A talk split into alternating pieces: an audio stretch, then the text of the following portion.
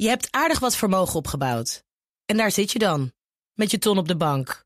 Wel een beetje saai, hè? Wil jij, als belegger, onderdeel zijn van het verleden of van de toekomst? Bridgefund is een slimme fintech die een brug slaat tussen de financiële behoeften van ondernemers en van beleggers. Dus wie belegt bij Bridgefund krijgt niet alleen een mooie vaste rente, maar brengt ook ondernemers in beweging. Echt waar, met die ton kan je zoveel betere dingen doen. Bridgefund. Make money smile. DNR Mobility wordt mede mogelijk gemaakt door Mobink, ALD Automotive en Ximo. Blijf scherp. BNR Nieuwsradio. BNR Mobility. Meindert Schut en Nout Broekhoff. Paul V, je hebt er vast wel eens van gehoord. Het bedrijf uit de Raamsdonksfeer werkt aan een vliegende auto. En hij gaat, ja, steeds dichterbij komen. Dichterbij komen. Ja, gaat echt de lucht in. Ja, dat, is wel de bedoeling, ja. En de eerste mensen die gaan dat ook meemaken, mogelijk.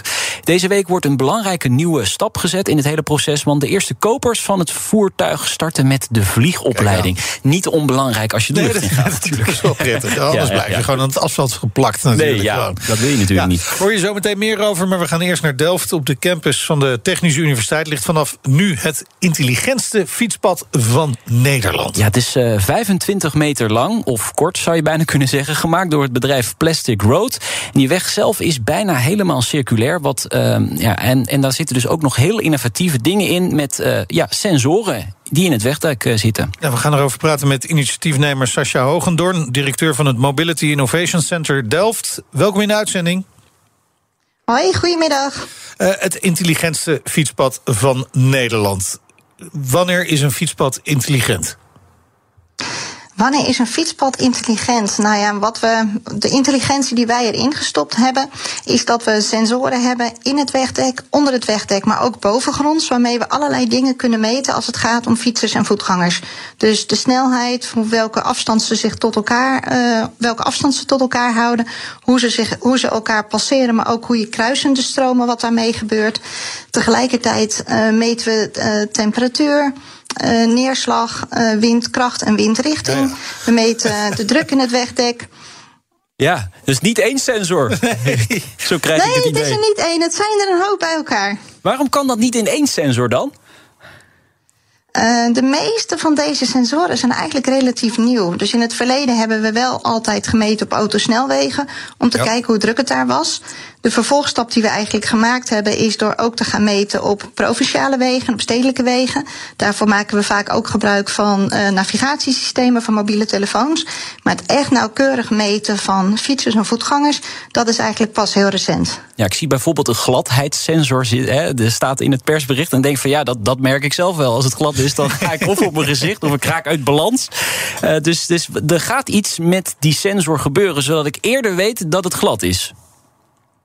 Klopt. Een van de dingen, als je het specifiek hebt over de gladheidssensor, we meten de temperatuur op verschillende hoogtes. Dus net onder het oppervlak, op het oppervlak, maar ook op anderhalve meter en op vier meter hoogte. Zodanig dat we op een gegeven moment ook kunnen voorspellen, afhankelijk van nou ja, temperatuur op een wat hogere hoogte, hoe glad het wegdek inderdaad mogelijkerwijs kan, uh, kan zijn. Nou, wat we met al die data willen doen, is aan de ene kant gewoon inzicht krijgen in hoe verplaatsen mensen zich. Wat zijn bijvoorbeeld de, de invloed van weersomstandigheden op de manier waarop mensen zich verplaatsen. Maar we willen die informatie natuurlijk ook gaan gebruiken om een korte termijn voorspelling te gaan doen. Dus om je in de toekomst ook te kunnen waarschuwen voor die gladheid. Ja. Om je te kunnen waarschuwen voor drukte. Ja, mijn indruk is wel dat vooral het weer, de weersinvloeden, daar, daar zijn jullie echt benieuwd naar. Waarom?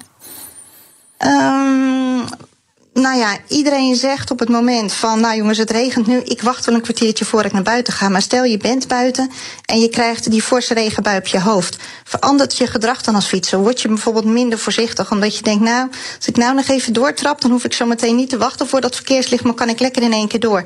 Des te sneller ben ik op mijn bestemming. Dus echt de invloed van weer op fietsgedrag, ook van wind bijvoorbeeld, is een hele belangrijke waar we ook gewoon nog niet zo heel veel van weten. Ja, of je pakt even dat rode lichtje. Ja, keertje, of, je stapt uh, helemaal niet. Je stapt helemaal niet op de fiets. Je nee, pakt precies, gewoon de auto. Ook, dat kan Kijk, dat ook. is ook een maar, ding. maar goed, heb je, heb je hè, want het is nu 25 meter. Uh, kun je daar wel conclusies uit trekken uit 25 meter fietspad?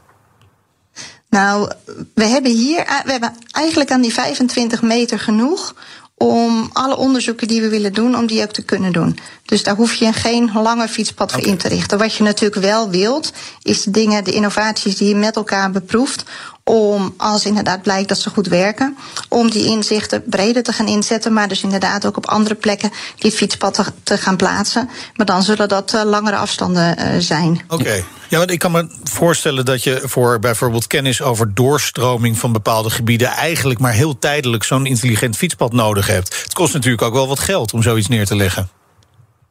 Uh, klopt, je, klopt, je hoeft ook niet in elk paneel, dat is bij ons ook niet zo. Niet in elk paneel hoef je al die sensoren te plaatsen. Dat kun je eens per zoveel panelen kun je dat doen. En wij hebben dat intelligente paneel eigenlijk precies daar neergelegd. Waar bij ons de hoeveelheid kruisende stroom het grootst is, dus waar het de drukst is. En waar je dus ook de grootste kans hebt dat je dus inderdaad interacties tussen fietsers en voetgangers uit verschillende richtingen krijgt. Ja, daar ben ik wel benieuwd naar. Want op welke manier gaat dit nou echt weggebruikers helpen? Krijg ik een appje? Of, uh, ja, want ik wil eigenlijk ook niet dat mensen met een uh, telefoon op de fiets zitten. Want ja, dat is gevaarlijk. Nou, je kunt dat natuurlijk op allerlei manieren gaan doen. Stel je legt een stukje een fietspad of weg aan op een drukke kruising, dan kun je het gaan gebruiken om je verkeerslichten mee aan te sturen. Je kunt het gaan gebruiken om op grotere afstand van zo'n bepaalde locatie uh, verkeer te gaan omleiden of andere maatregelen te nemen. Uh, als je voorspellingen kunt gaan doen, dan zou je wel kunnen zeggen van nou, ik kan dat op voorhand richting mensen op een appje sturen. Maar je wilt inderdaad niet dat mensen uh, met uh, telefoon en al aan de hand over een fietspad gaan. Nee. Dat is juist datgene wat we in allerlei campagnes proberen te voorkomen. Precies. Maar gaat het ook uiteindelijk de, de doorstroming, de bereikbaarheid verbeteren in, in, in een stad? Uh, dat denk ik wel, omdat je goed inzicht hebt in waar het druk is en waar niet. Dus inderdaad op afstand ook al uh, fietsers uh, kunnen omleiden. Ja, We hebben bijvoorbeeld fiets, we hebben fietsfiles op de campus. En daar zijn we juist ook naar aan het kijken. Van als je weet wanneer ze ontstaan, zou je ook op voorhand al maatregelen kunnen inzetten. Om inderdaad uh, die stromen toch wat meer uh, te scheiden. Net als dat we dat ook eigenlijk met autoverkeer al jaren doen. Ja, is er dan ook al interesse vanuit andere steden? Want uh, zeker al, niet alleen de campus op Delft heeft last van fietsfiles. we zitten nu in Amsterdam en daar zijn er behoorlijk veel. Nou. is er al interesse getoond? Uh, vanuit Amsterdam ja, weet ik toevallig van misschien... Plastic Road dat de interesse er is. Nee, okay. vanuit Amsterdam oh, weet ik dat hij er concreet is. Um, uh, wat we, uh, een van de doelstellingen van het project, onze, uh, we krijgen subsidie voor het project vanuit de metropoolregio Rotterdam-Den Haag. En een van de doelstellingen die zij hebben is dat we de kennis die we opdoen breed beschikbaar stellen aan andere gemeenten. En dus ook hen adviseren hoe ze dit ook in hun eigen gemeente kunnen toepassen. Ja, ik begreep ook dat het veel afdelingen binnen jullie technische universiteit samenneemt, hè, dit, dit hele project. Ja, dat is, we zijn eigenlijk met een heel klein groepje begonnen. Plastic Road was een initiatiefnemer, twee field labs. Dus een collega field lab van mij, uh, Delft on Internet of Things. En dan mijn eigen field lab en de afdeling transport en planning van civiele techniek. We hebben eigenlijk met z'n vieren dit idee uitgewerkt. En de afgelopen periode zijn er en meer bedrijfjes aangehaakt die bijvoorbeeld zeiden van hé, hey, wij hebben ook sensoren, mogen we mee in jullie project? Dan kunnen we ook onze sensor testen ten opzichte van de andere. Maar zo zijn er dus ook verschillende onderzoeksgroepen binnen de TU die gezegd hebben van nou, wij weten veel over de kwaliteit van wegdek. Kunnen we onderdeel worden van het project? We hebben een afdeling die zich bezighoudt met klimaat en duurzaamheid, die is aangehaakt. Een afdeling die zich bezighoudt met uh, GPS. Dus het leuke is eigenlijk dat die groep daarmee steeds groter geworden is. Als we nou even naar het toekomstplaatje gaan kijken. Ik kan me voorstellen dat er delen fietspad uh, continu met dit soort sensoren worden voorzien. Hè, met zo'n slim fietspad. Maar dat je ook soms hebt dat je ja, eigenlijk wil je het alleen maar tijdelijk weten. Dat je even zo'n soort deeltje fietspad ergens neerlegt, metingen doet en aan de hand daarvan oplossingen zoekt? Uh, dat kan. Het mooie aan dit fietspad is, is dat het 100% circulair okay. is. Dus het fietspad zelf is gemaakt van gerecycled huishoudplastic. En het mooie is ook dat je het, het zijn panelen die je makkelijk uh, kunt uh, neerleggen, maar ook weer heel makkelijk kunt, kunt weghalen. Dus ook weer op een andere manier uh, of op een andere plek zou kunnen gebruiken. Ja, het ligt nu bij jullie op de campus. Hoe, hoe lang loopt dit onderzoek?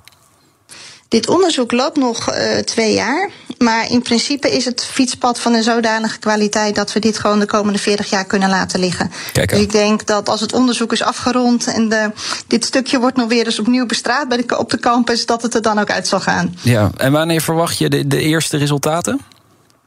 Ehm, we zijn al voorzichtig begonnen met het doen van wat korte termijn voorspellingen. We hopen eigenlijk toch op een termijn van een half jaar de eerste resultaten beschikbaar te hebben. Ja, tot slot, dit gaat nu om een fietspad. Zou je er ook een landingsbaan van kunnen maken? Een landingsbaan en zoveel gewicht. Ik, de, de volgende stap die we eigenlijk. Het gaat om hele lichte vliegtuigjes. Ja, als het, als het drones worden en je kunt er ook, of het worden vliegende auto's, je kunt er mensen mee verplaatsen. Met dat gewicht lukt het dan misschien wel, eh, wel weer. Ehm, ja, waar we nou nu naar gaan kijken, of waar Plastic Road het naar gaat kijken, is hoe kan je dat wegdek, dat allerdunste toplaagje, hoe kan je dat nu sterker maken? Hoe kan je dat ook volledig circulair maken? Nou ja, en misschien zou je dan de vliegende auto daar meteen mee kunnen nemen. Mooi, we gaan elkaar ongetwijfeld nog wel een keer spreken als er meer resultaten uitkomen. Dankjewel, Sascha Hogendoorn, directeur van het Mobility Innovation Center in Delft. Ja, foto's van het fietspad. BNR Mobility. Ik gaf onze technicus al een seintje, nou, maar Ja. je mag het nu alsnog even zeggen. Foto's van het fietspad vind je straks op eh, bnr.nl slash mobility. Mooi. Stap voor stap komt de vliegende auto van Pelvi dichterbij. Donderdag start het bedrijf met het opleiden van de eerste klanten. En te gast is eh, Robert Dingemansen, CEO van Pelvi. Welkom Ja, leuk om hier te zijn weer. op je verjaardag. Van harte Ja. gefeliciteerd. Dankjewel. Ja, en wie jarig is, die eh, trakteert. Ja. Dus je gaat deze week allerlei klanten blij maken. Nee, ik dacht dat hij ons blij ging maken met een sleuteltje. Ja, die staat ergens in de garage nu. eh, rustig maar. Gaan we straks even stiekem kijken. Ja, precies. nee, maar je- je- wat, wat gaat er gebeuren deze week? Nou ja, zoals je kunt verwachten, moet je natuurlijk voor zo'n vliegende auto een eh, opleiding hebben, een brevet. En omdat we in 2023 de eerste gaan leveren aan Nederlandse klanten, eh, starten we met de intake van onze eerste groep Nederlandse klanten. Die schrijven dan in op een opleiding volgend jaar. Dus de echte opleiding start vanaf maart. Eh, ja, dat is voor ons natuurlijk een enorme volgende stap in het bedrijf. Een echte Fly Drive Academy, zoals wij dat noemen, waar mensen opgeleid worden tot carflyer. Ja, in Breda, hè? Ja, Breda, dat is, mensen kennen dat vaak beter als vliegveld Seppen, maar dat heet eigenlijk Breda International. Het is ook een international airport, want je kan er ook gewoon vanuit eh, buiten Schengen landen en dan staat de marechaussee daar. Dus eh, ja, we hebben daar Helemaal school- echt dus. Ja, ja, klopt. ja precies. Hoeveel, hoeveel, hoeveel klanten gaan er beginnen? Wij beginnen met een groep van 16 klanten in eerste instantie. Dus, Dat waren eh, de early adopters. Ja, klopt. Ja. Kijk, we hebben twee mensen gaan nu les nemen op wat dan heet een standaard gyrocopter. Dat is de manier waarop ons eh PAL 4 vliegt. Eh, en ja, dat is het Early Adopter Program, zeg maar. Mensen kunnen ook wachten tot ze een PAL 4 hebben en daar les op nemen. Dus we hebben klanten die kiezen voor het ene en voor het andere. En Maar moet je, moet je toch wel even uitleggen. De gyrocopter, want dat is een belangrijk onderdeel natuurlijk van de PAL 4. Ja. Hoe werkt dat nou precies? Ja, een gyrocopter is de makkelijkste en de veiligste manier van vliegen. Eh, er zit een rotor op en daarom denken mensen vaak dat Lijkt het een op een helikopter heli- is. ja. Maar die rotor is niet aangedreven. Dat is eigenlijk een soort parachute. En dat maakt hem dus ook zo veilig. Eigenlijk is het van zo'n zaadje van een. Van welke boom is dat? Eh, daar lijkt Ja, het misschien een een beetje op. Ja, ja, ja ik weet ook. Een zaadje met een vleugeltje Ja, eraan, ja. je weet het wel. Ja. Nee, oké. En, eh, Dat is hetzelfde principe, toch? Hetzelfde principe als het gaat om de lift. En dan heb je aan de achterkant, zoals bij een gewoon vliegtuig, een propeller die hem vooruit duwt. En eh, die wordt aan ons dan ook nog vooruit geduwd door twee motoren. Dus dat is hartstikke veilig. En vallen die uit, heb je nog steeds die parachute die Ja. draait. Dus dat maakt hem heel veilig. Wat is nou het belangrijkste dat je moet leren? Nou, je moet natuurlijk net als je auto en je fiets moet je leren fietsen, leren vliegen. Dus het bedienen van het voertuig. En, en daar is de meest uitdagende manoeuvres zijn natuurlijk het landen. Ja. Dus je doet heel veel wat dan heet touch and goes. Dus gewoon landen, weer opstijgen, een rondje rond het vliegveld landen en opstijgen. En ja, dat beheers je na vijf à tien lessen. En dan vervolgens, eh, ja, dan moet je natuurlijk gaan leren navigeren. Ja. En eh, rekening houden met verkeer. En eh, een beetje oefenen met communiceren met vliegvelden als je eraan komt. Sommige vliegvelden hebben natuurlijk een toren, dus daar moet je mee kunnen communiceren. Dus je beheerst het toestel eigenlijk na een les of 10, 15. En daarna is het vooral routine opbouwen met eh, touch and goes. En eh, je moet uiteindelijk zo'n 45 uur gelest hebben, zeg maar, wil je je brevet mogen halen. 45 uur. Ja. Dat, klinkt niet echt als heel erg veel in mijn oren, maar... Er zijn mensen Nee. die hun rijbewijs in die eh, hoeveelheid nog niet hebben. Hè? Nee, dat klopt. Klopt. Ja. En die heb je ook wat vliegbeleid bij betreft natuurlijk. Ja. Ja, Maar, dus nou- 45 is het wettelijk minimum. Ja, precies. Eh, maar dat wil niet zeggen dat sommige mensen niet eh, ook 50 of 60 uur nodig hebben. Nee, en, en, en begint het daar dan ook niet mee? Want moet je daarna ook niet gewoon nog je vlieguren halen om te mogen blijven vliegen? Nou, als je je brevet hebt, mag je vliegen. Ja. En dan moet je natuurlijk zoveel uur per jaar moet je vliegen om je brevet courant te houden. En, en na elke twee jaar moet je dan, dat heet dan een checkvlucht doen met een instructeur. Om even te kijken van, eh, ben je nog steeds op het niveau dat je veilig piloot bent. Juist. Eh, ook medisch gezien? Medisch moet je ook een eh, keuring hebben, zeg maar. Eh, dat is lang niet in alle landen zo, maar wel in Nederland. Oké. En dan is het natuurlijk de bedoeling dat je zelf de lucht ingaat met de Palvi. Maar Klopt. dan moet er wel een Palvi zijn op dat moment. Ja. Ja, En ja. daar zijn jullie al heel lang mee bezig. Daar zijn we al heel lang mee bezig. En luchtvaart eh, kost gewoon heel veel tijd. Ja. En daar hebben wij ons natuurlijk ook een beetje in vergist. Dat, dat kan hartstikke duidelijk zijn. Vergist eigenlijk iedereen zich in de luchtvaart in. Want je moet tot op de laatste gram, centimeter... moet je het allemaal uitgeëngineerd hebben. En dan ook nog dat bewezen hebben aan de overheid. In ons geval EASA voor Europa. ja. Ja, en dat kost heel veel tijd. Dat is gewoon puur certificering eh, laten zien dat het werkt en dat het ook goed werkt. Ja, klopt. Ja. Kijk, je moet je voorstellen, als je een, iets wat moet vliegen, moet natuurlijk licht zijn. En dat wil zeggen dat je niet kan zeggen van nou laten we dit maar twee keer zo zwaar maken, dan zal het wel goed zijn. Ja. Dus in luchtvaart ben je altijd aan het zoeken naar Ja. hoe licht kan ik het maken terwijl het toch nog veilig is. En de overheid wil dat dus ook van elk schroefje, boutje, moertje bewezen zien. Ja. En dat is heel anders dan bij een auto. Precies, want dit is natuurlijk ook een auto. En daar heb je ook goedkeuring voor moeten halen. Dat is wel gebeurd, hè? is Ja. goedgekeurd door de RDW. Klopt. Maar daar is misschien juist het tegenovergestelde bijna waar. Hoe zwaarder, hoe beter soms. Ja, niet Ja. voor het verbruik, maar Nee, klopt. qua Ja. veiligheid. Ja, ja. Dus technisch gezien is de benadering ook veel meer een rijdend vliegtuig dan een Oh ja. vliegende auto. Je moet er elke gram uithalen die je eruit kan halen. Maar wij hebben natuurlijk heel veel extra gewicht, juist om hem ook aan de wegeisen te kunnen laten voldoen. Ja, wat zijn de hobbels die jullie nu nog moeten nemen om die certificering af te ronden? Nou, in principe is het gewoon heel veel werk. Oké. En het mooie is, eh, kijk, ik- een, een, auto kan je in een aantal maanden, je biedt hem aan bij de RDW, misschien is er nog eens wat mee aan de hand, maar die kan je in een paar maanden gewoon goedgekeurd hebben als je je werk goed gedaan hebt. In luchtvaart ben je eigenlijk zes tot acht jaar bezig om met de overheid af te stemmen wat zijn de regels die wij moeten bewijzen. Er bestaat niet één set van regels. In elk vliegtuig wordt een nieuwe set van regels opgebouwd. En dat is een proces van zes tot acht jaar. En dan vervolgens heb je twee jaar, twee, drie jaar, wat dan heet compliance demonstration, een moeilijk Engels woord voor Ja. bewijzen dat je er ook aan voldoet. Ja, en die fase zitten we nu in. En Vol in nog. Ja, maar Ja. Wel, wel ongeveer met 70 man. Ja, die daar dagelijks mee bezig Die daar zijn. dagelijks mee Ja, bezig ja, zijn, Ja. ja. Ja. En kun je je voorstellen dat er critici zijn die denken van... ja, die Palvi, het is een mooi verhaal, maar het komt maar niet van de grond. Ja, ik maak een woordgrapje. Ja. Ik eh, kan me ook herinneren dat ik jaren geleden op de autorij eh, heb gesproken erover. En, eh, en het zou komen. En we hebben ook in de autoshow wel eens gesproken met elkaar. Maar hij vliegt nog steeds niet. Ja, niet Ja. met klanten. Ja, wat mensen blijkbaar vergeten zijn, zo in 2012 al vlogen. Ja, Ja. nee, precies. Nee, maar dat, dat weet ik. Maar Ja. eh, eh, klanten Dus- hebben nog niet gevlogen. Klanten hebben nog niet gevlogen en klanten kunnen pas gaan vliegen als die uit de productie komt. Ja. Ja. En eh, voor die tijd zijn het testpiloten. En ja, hij is dus al van de grond geweest in, in zeg maar een prototypefase. Eh, vervolgens de commerciële versie, ja, daar gaan we volgend jaar het finale vliegtestprogramma mee doen. Maar kijk, een vliegtuig, als je verstandig bent, maakt Dat zijn dus- jullie. Ja, wij wel. Sommige anderen doen dat Oh, wat oké. anders. Dan certificeer je hem op de grond. Ja. Dus alle systemen, alle onderdelen zijn we al twee à drie jaar zijn we dat helemaal aan het doortesten. Dat zijn bijna 200 testen. Eh, en zelfs je rotor, die, die, die, die testen wij bovenop een truck. En dan rij je daar 150 km per uur mee. En dan kan je die hele rotor doormeten. En dan voel je wat hij doet. Je kan alles meten. En daar hoef je helemaal niet voor te vliegen. Ja. Alleen voor mensen, mensen hebben altijd het idee als hij dan vliegt. Je gaat niet uittesten of hij vliegt. Je bent 100% overtuigd dat hij vliegt en dan pas ga je vliegen. Is dat ook omdat er, er ligt een vergrootglas natuurlijk ook op de luchtvaart met ongelukken. En dat, terwijl er ook gewoon dagelijks ongelukken met auto's natuurlijk gebeuren op de weg. Maar je ligt natuurlijk onder vergrootglas omdat het de luchtvaart is. Ja, dat is niet de reden. Kijk, Nee? het, het systeem in luchtvaart is zoals het is. Dat, dat functioneert al 50 jaar. Dat is hartstikke goed. En dat, dat maakt de luchtvaart ook zo, zo veilig. Ja. En ja, de overheid speelt daar zijn rol om elke keer te checken van alles of het veilig genoeg is qua ontwerp en of je bedrijf veilig genoeg produceert. Alleen, ja, daar zit heel veel tijd in. Ja. Eh, De Palvi is een ja, mobiliteitsoplossing, hè, maar wel een hele dure. Hè, want wat kost die nou? Nou, de Palvi Liberty, zoals die bij ons heet, het eerste model, dat is een tweepersoons. En de Sports Edition daarvan, die start met 300.000 euro.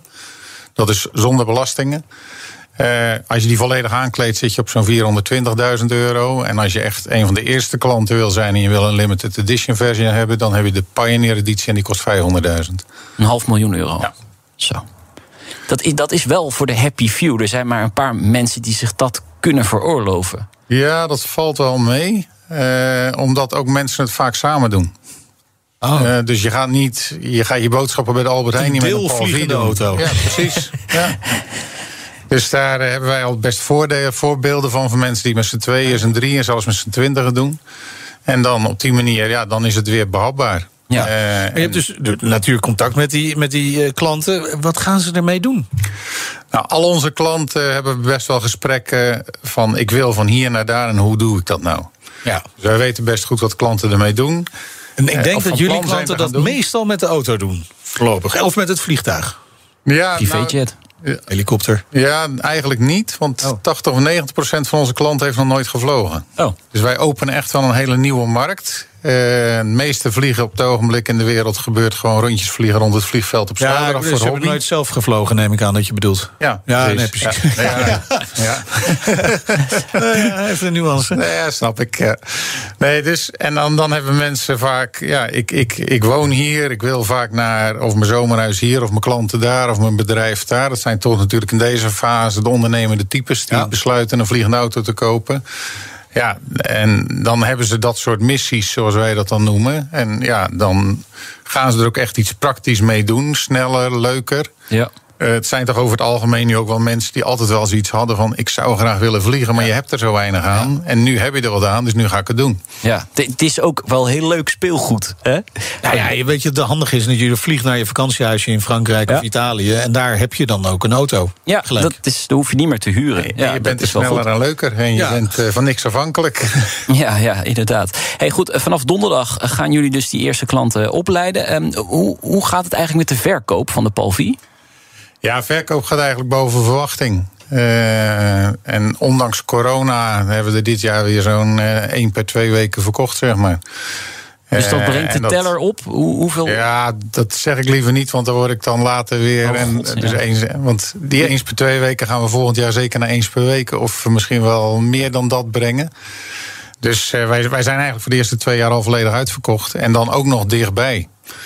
Wat, dat veel Nederland dan? Veel Nederland, Benelux. We zijn nu in Duitsstalige gebieden en in, uh, in Engeland bezig. En dat zijn onze core landen op dit moment. Oké.